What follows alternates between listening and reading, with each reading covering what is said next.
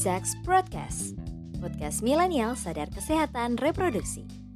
Mengupas masalah seks, cinta, kesehatan reproduksi, dan hubungan. Nemenin kamu setiap hari Sabtu malam, eksklusif di Spotify. Sex Broadcast, temanmu bercerita, berbagi, dan berencana.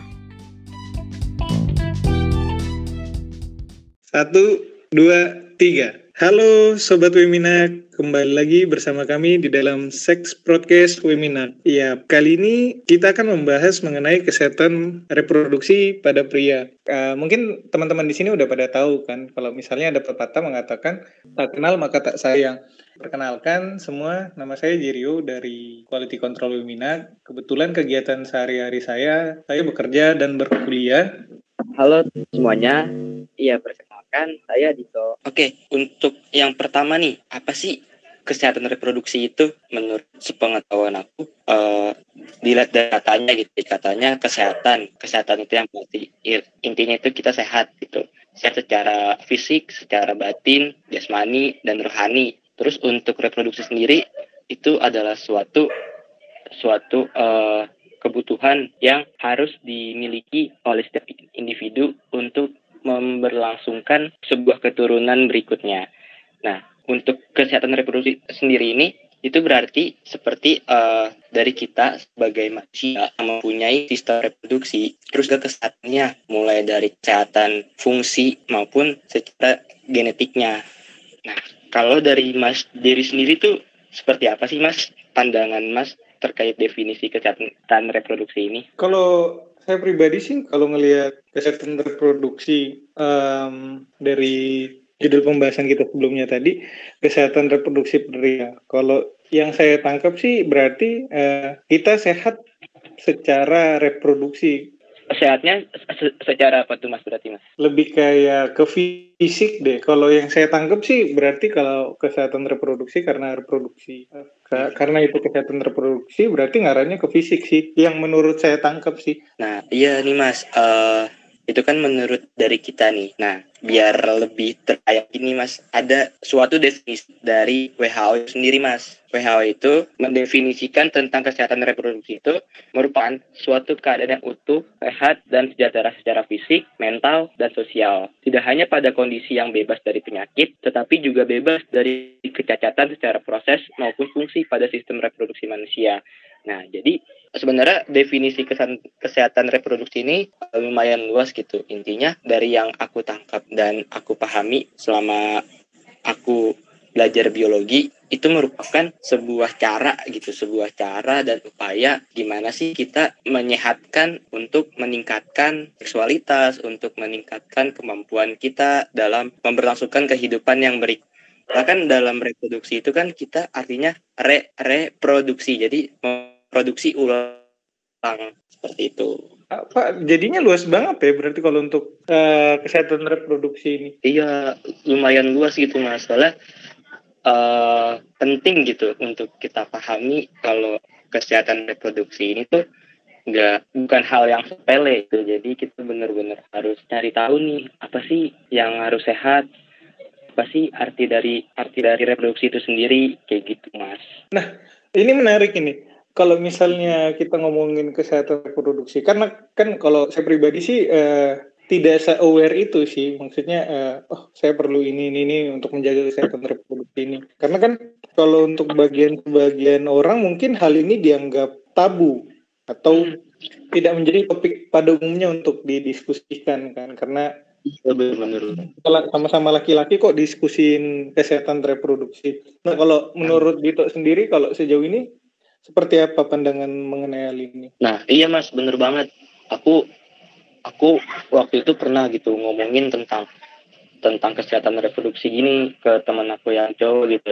Tapi uh, yang temanku itu ya dia kayak merasa apaan sih kok ngobrolin ginian? Kayak gitu. Nah mungkin si kesehatan reproduksi itu masih dianggap hal yang tabu gitu buat di buat diomongin dan di dan didiskusikan gitu. Padahal menurut saya ya menurut saya pribadi itu dalam bersosialisasi seperti sekarang ini sebenarnya untuk hal-hal yang berbau kecerdasan reproduksi yang berbau seksualitas itu sebenarnya nggak perlu ada yang dianggap hal tabu lagi. Soalnya itu juga buat bekal gitu buat bekal dan buat pengetahuan kita gimana cara kita memanage kesehatan kita yang nantinya berpengaruh pada kesehatan pada kesehatan reproduksi yang kita punya seperti itu Mas menurut Nah mungkin Mas Jerry ini juga ini gak juga juga pernah mengalami hal-hal yang tadi saya ucapkan Mas. Mau um, hampir tidak menjadi topik sih sebenarnya kalau kesehatan reproduksi ini. Karena kan sebagian besar orang itu mikirnya ya ya ya udah maksudnya event itu kita punya kelai apa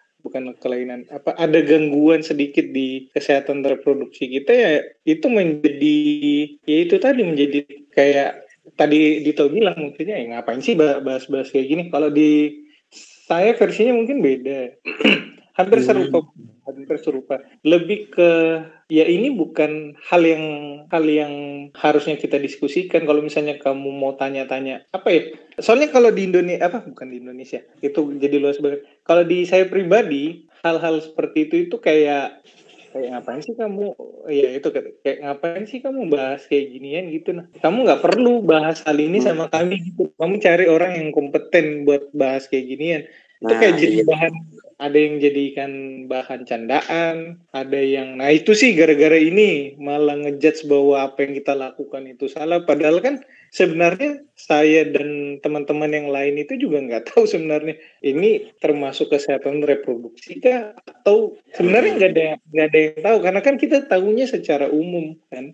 Menarik sih sebenarnya kalau kita mau bahas. Berarti yang dianggap tabu itu uh, masyarakatnya atau atau memang uh, topik pembicaraannya gitu mas? Kalau saya pribadi nilainya ya, menurut pandangan saya pribadi aja, nah harusnya pembahasannya ini tidak perlu dianggap tabu. Mm-hmm. Yang menganggap tabu lebih ke masyarakatnya. Karena kalau saya pribadi ngelihat hal-hal seperti ini itu perlu banget kita untuk kita semua itu tahu. Jadi tidak spesifik hanya beberapa orang tahu.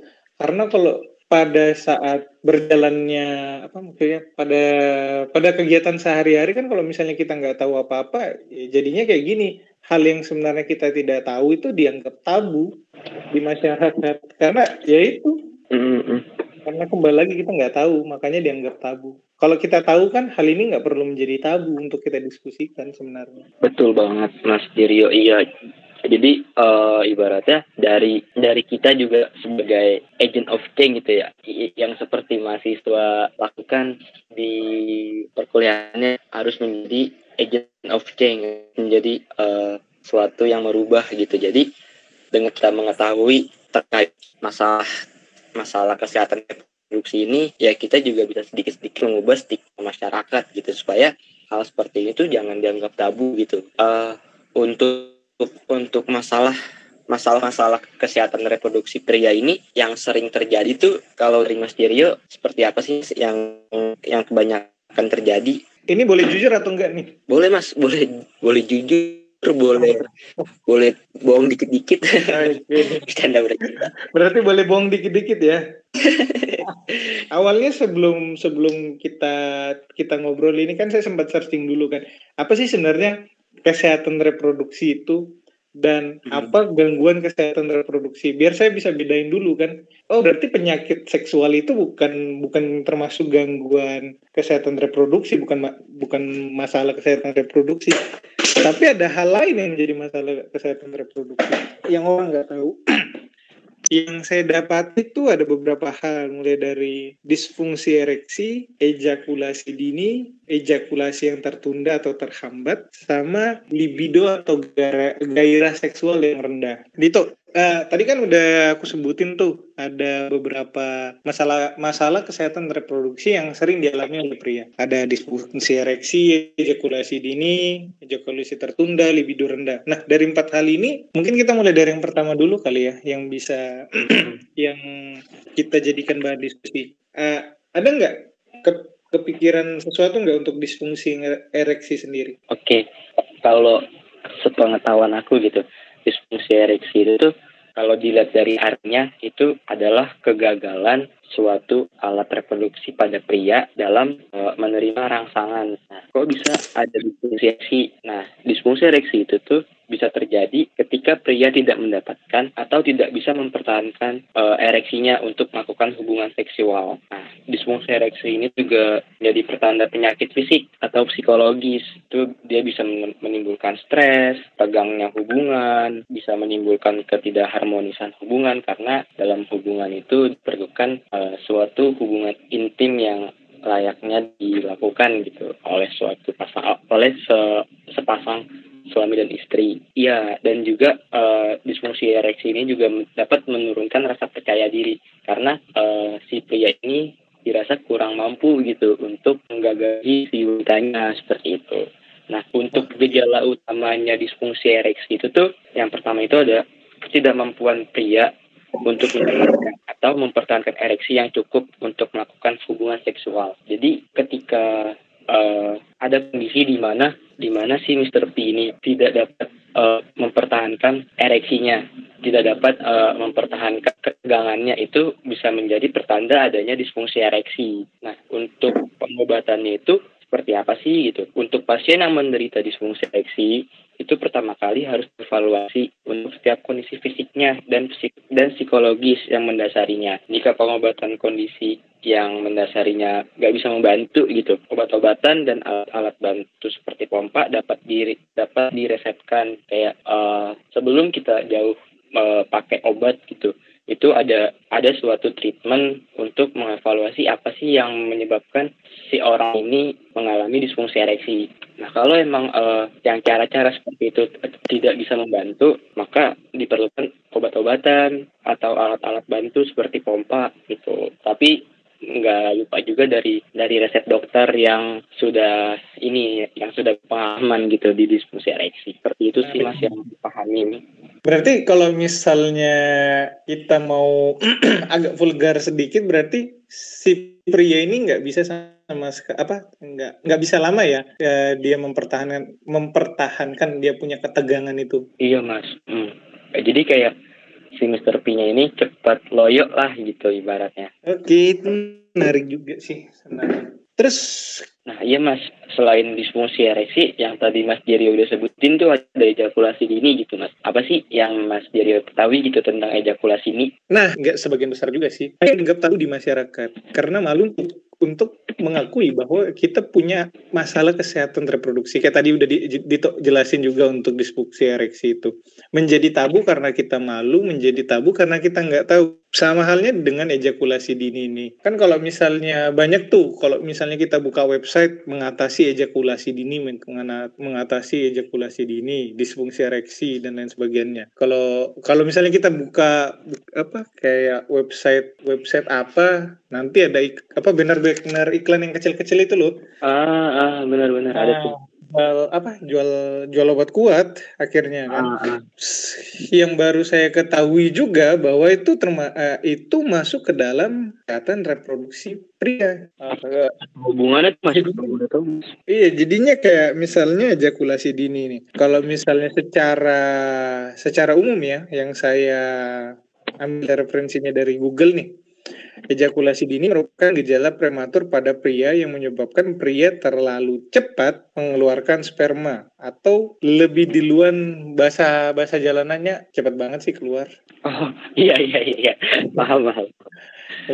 Nah, kalau dari dari sini juga ya kembali lagi yang sempat kita jelaskan di disfungsi ereksi akan menjadi tidak harmonis satu hubungan karena adanya masalah kes, apa masalah-masalah kesehatan reproduksi ini termasuk ejakulasi dini kalau ya kalau misalnya kita mau bahas lebih jauh kan eh, ya itu tadi banyak faktor sih sebenarnya kalau misalnya dari ejakulasi dini. Kalau yang saya dapati itu ada beberapa faktor kayak contoh psikologis, uh, pikiran juga termasuk menjadi faktor terjadinya ejakulasi dini.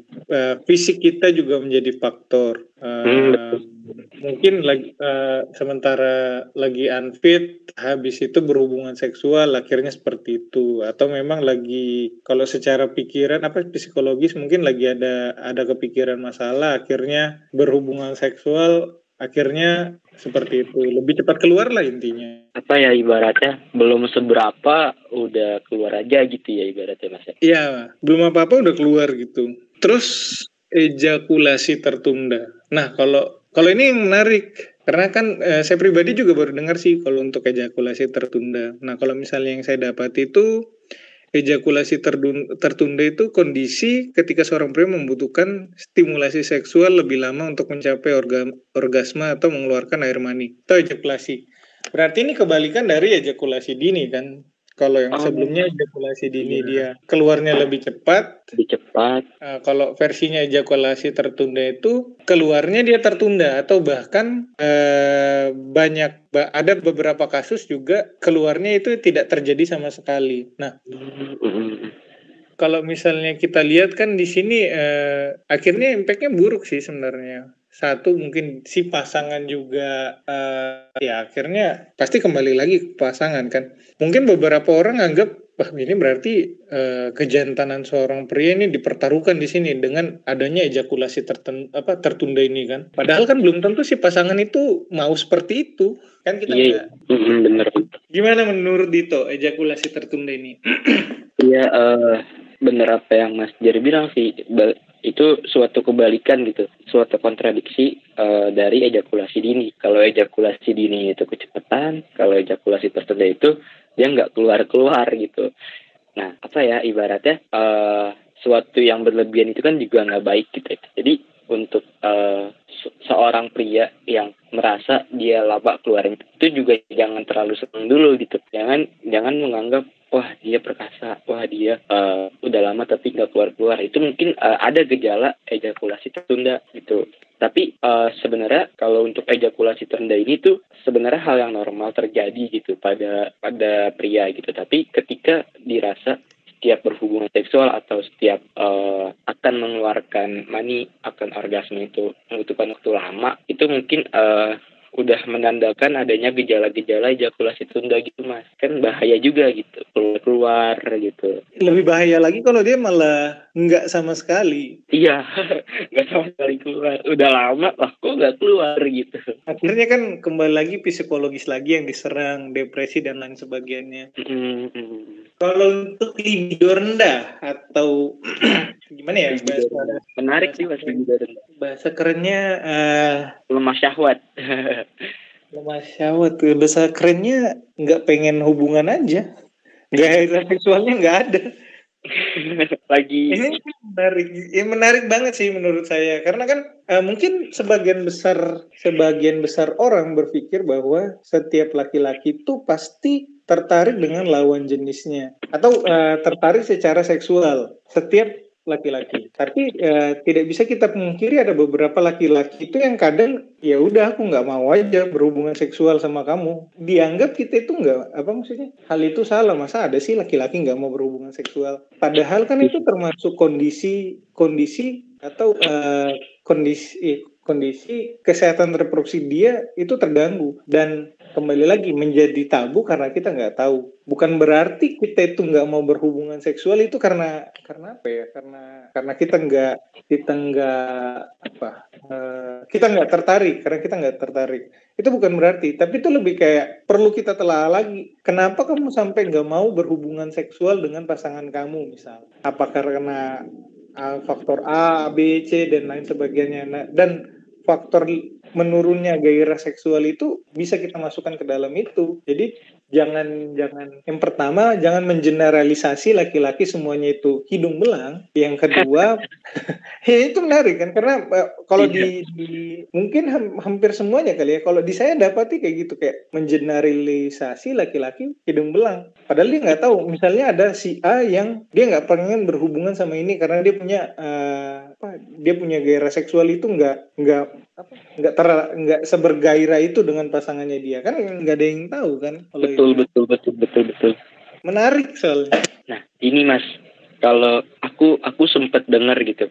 Sempat dengar dari uh, dokter Boyke. Dokter Boyke kan itu kan juga juga terkenal sebagai dokter yang intinya itu dia ahli di bidang-bidang seperti ini gitu kan. Nah, yang aku tangkap gitu waktu dokter Boyke ngomong gitu untuk yang libido rendah ini tuh sebenarnya bisa dikomunikasikan gitu kan pasangan gitu ketika Oh, memang menarik. ketika memang nanti eh, si suami udah agak ada gairah terhadap istrinya gitu. Nah itu sebenarnya bisa aja gitu eh, sang suami memberikan suasana baru yang men- yang yang membangkitkan gairah seksualnya dia sendiri gitu. Seperti mungkin eh, bisa memakai kostum atau atau apa gitu. Terus juga bisa eh, apa menciptakan suasana-suasana baru yang nggak bikin bosen gitu. Yang selama ini kebanyakan orang eh, ketika mengalami libido rendah ya mungkin itu dipendam sendiri gitu. Jadi nggak ada komunikasi antar pas a- antar eh, suami dan istrinya. Sebenarnya itu kalau kata dokter Boyke itu untuk masalah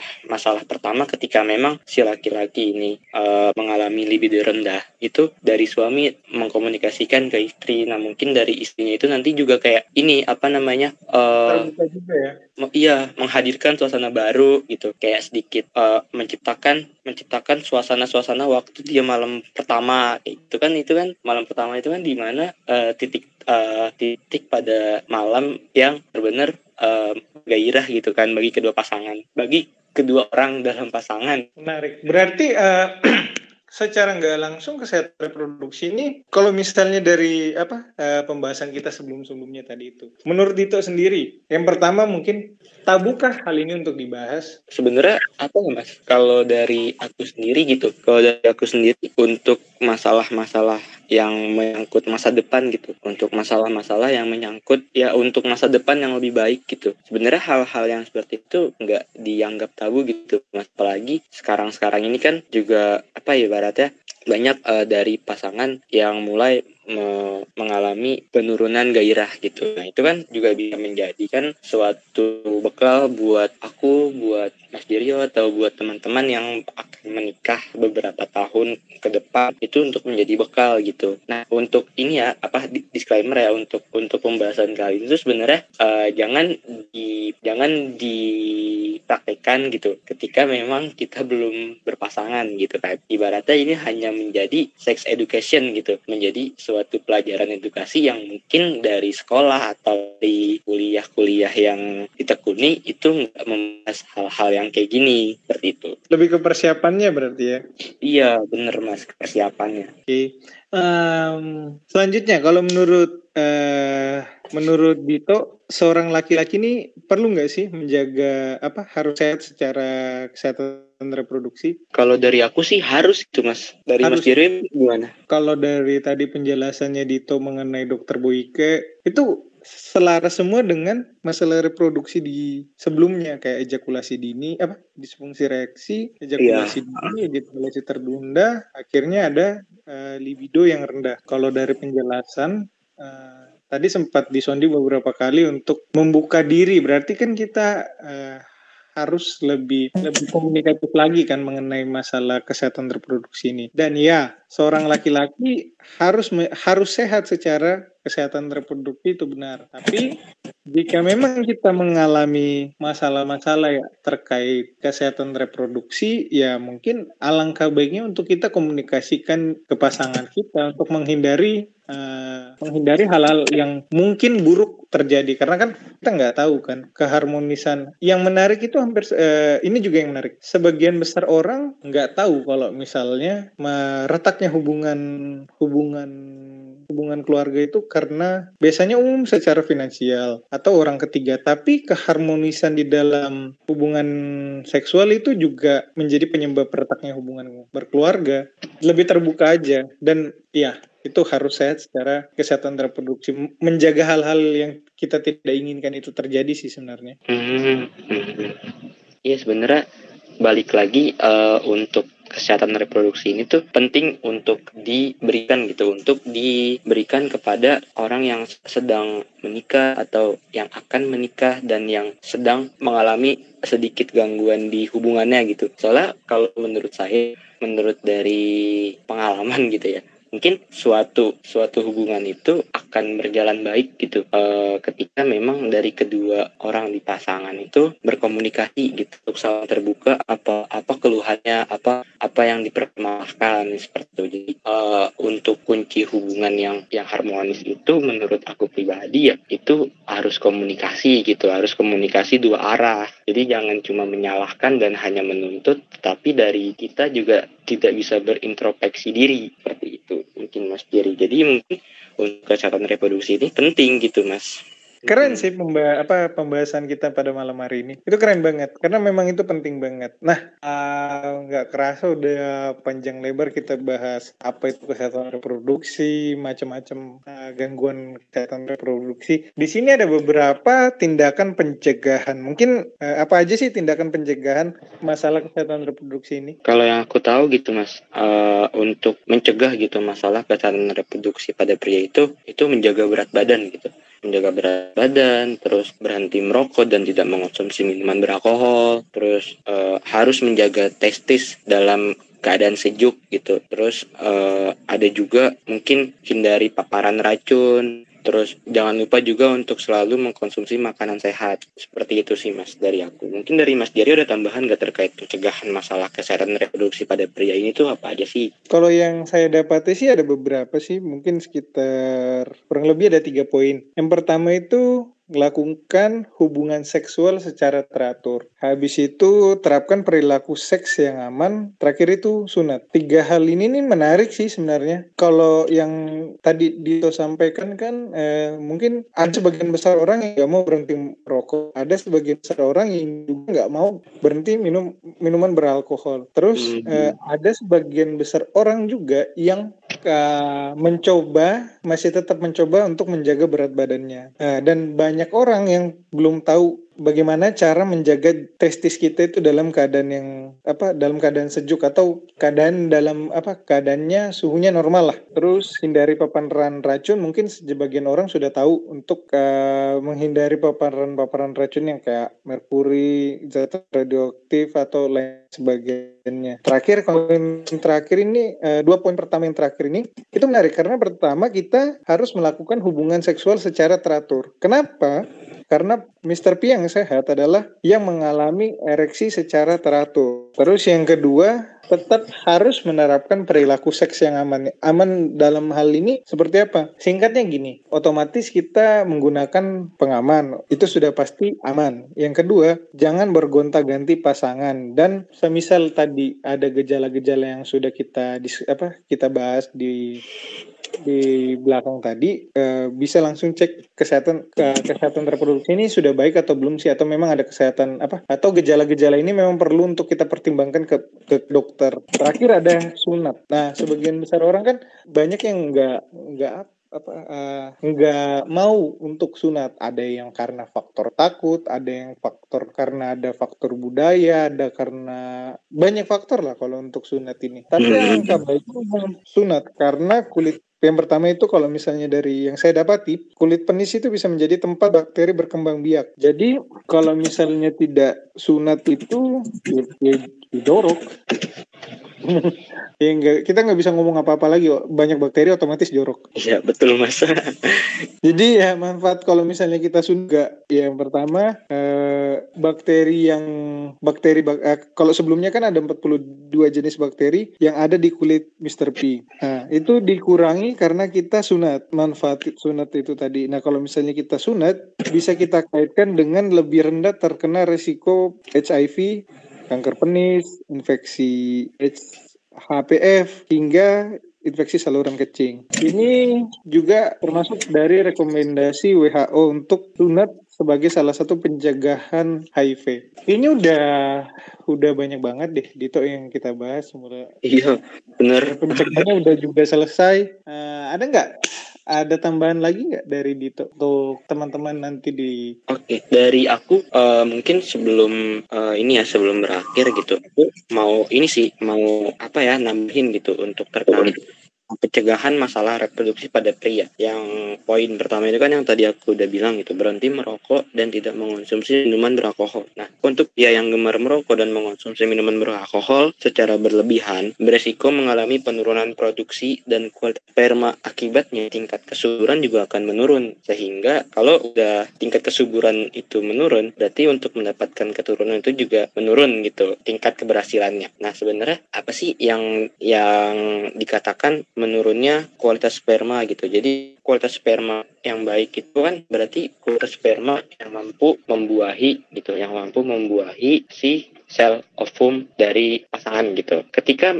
memang terjadi penurunan kualitas sperma, itu berarti ada uh, ada kejadian di mana di mana si sperma yang berhasil masuk, yang berhasil masuk untuk uh, yang selanjutnya membuahi si ovum akan kalah dengan kondisi dari saluran yang ada di wanita gitu. Jadi uh, tingkat keasamannya itu kalah dengan tingkat keasaman yang ada di saluran si wanita itu. Jadi itu menurunnya menurunnya tingkat kualitas sperma yang bisa dibilang gagal dalam mempertahankan keasamannya di saluran si wanita. Nah, terus uh, di poin kedua itu menjaga berat badan gitu. Menjaga berat badan juga mempengaruhi kesuburan pria apalagi jika memiliki berat badan yang yang terlalu rendah atau bahkan yang terlalu kurus. Itu dikarenakan karena status gizi yang kurang baik untuk mempengaruhi kualitas sperma sehingga nantinya akan mengurangi tingkat keburan pria gitu. Nah, untuk un, apa sih yang penjelasan mempengaruhi kualitas sperma di gizinya gitu. Jadi kan sperma ini sebelum dikeluarkan dari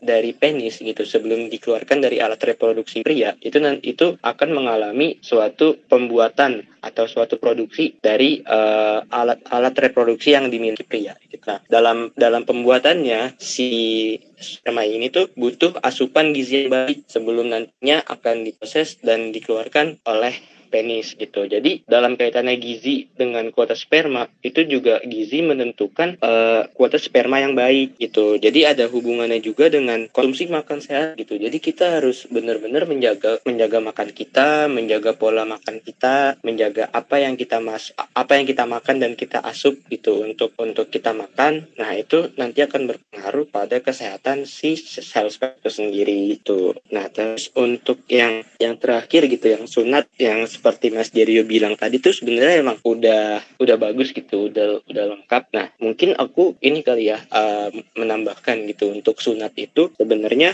harusnya dilakukan oleh setiap pria. Tapi mungkin dalam dalam perjalanannya, dalam kehidupannya itu mungkin ada pria yang memang dirasa di, dirasa tidak diwajibkan untuk sunat gitu. Nah, tetapi dalam dalam apa ya dalam kacamata kesehatan, terutama kesehatan reproduksi, itu sunat uh, juga mempengaruhi kesehatan reproduksi gitu. Yang yang dikatakan Mas Jerio uh, terkait bakteri yang ada di Mr. P yang belum disunat itu benar-benar kayak ibaratnya uh, ngumpul di situ gitu kalau belum disunat dan apalagi ketika ketika kita uh, uh, apa ya istilahnya buang air kecil gitu, buang air kecil terus dalam kondisi penis kita belum disunat itu kan sisa-sisa uh, sisa-sisa air seni kita itu masih mungkin masih sedikit ngembeng gitu ibaratnya di kulit kepala gitu. Jadi itu yang mengakibatkan adanya bakteri-bakteri yang ada ketika penis itu belum disunat gitu mas. Iya bu. Iya kalau itu itu wajib banget sih sebenarnya cuman banyak yang belum aware aja sih kalau untuk sunat. Ada pesan-pesan nggak untuk teman-teman di luar sana yang akan dengar Sex Broadcast ini? Oke, mungkin kalau aku ya, aku ini sebagai mahasiswa sebagai mahasiswa hmm. semester 4 dari uh, jurusan biologi notabene ada sangkut pautnya dengan masalah dengan masalah si reproduksi ini nah uh, mungkin yang sudah aku ucapkan atau yang sudah aku aku jawab gitu. Itu mungkin belum semuanya aku mengalami belum semuanya aku mengalami tetapi karena memang aku uh, suka gitu akan hal ini jadi aku mungkin ada sedikit yang aku cari dulu yang yang aku lihat dari internet gitu. Jadi uh, untuk teman-teman yang memang uh, istilahnya seumuran dengan saya atau yang mungkin belum menikah gitu, mungkin jangan pernah sekali-sekali menganggap hal seperti ini tuh tabu gitu. Karena uh, pendidikan seks tuh menurut penting gitu untuk diketahui teman-teman meskipun emang teman-teman juga belum menikah dan belum berhubungan gitu. Kalau emang belum berhubungan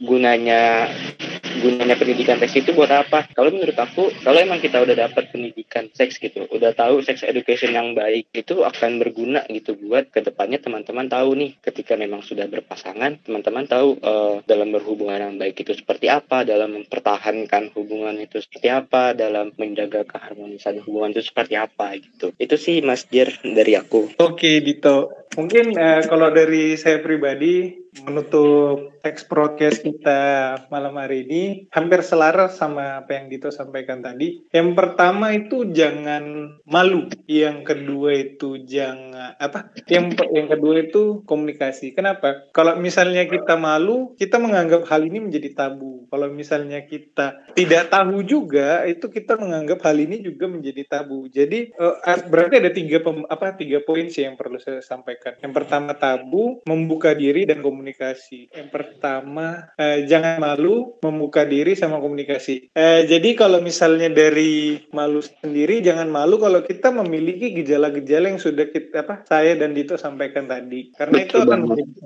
iya akan menjadi tabu kalau misalnya kita kita malu dan nggak mau untuk diskusi mengenai hal ini. Terus membuka diri. Jadi uh, biasakan untuk menerima hal ini itu dengan pemikiran yang terbuka. Kenapa? Karena memang hmm. sex education ini penting banget untuk kita ketahui. Baik itu dia sudah berkeluarga maupun tidak. Untuk yang belum berkeluarga, untuk menghindari uh, kemungkinan yang yang akan datang nantinya. Dan untuk yang berkeluarga juga kita mengetahui eh, hal-hal uh, di mana kita uh, kita tahu ini salahnya di sini loh, ini salahnya di sini loh. Kayak tadi udah kita sampaikan libido rendah itu kita perlu ini, kalau misalnya disfungsi ereksi itu kita perlu ini dan lain sebagainya. Dan yang terakhir itu ya komunikasi. Itu selaras dengan dua poin sebelumnya. Penting banget untuk komunikasi. Kalau misalnya kita nggak komunikasi soal uh, khususnya kesehatan reproduksi itu, jadi makin apa hal-hal yang tidak kita inginkan itu semakin cepat datangnya. Kayaknya itu aja deh dari saya Dito. Oke, oh ya udah udah lumayan banyak gitu apa yang kita bahas pada malam hari ini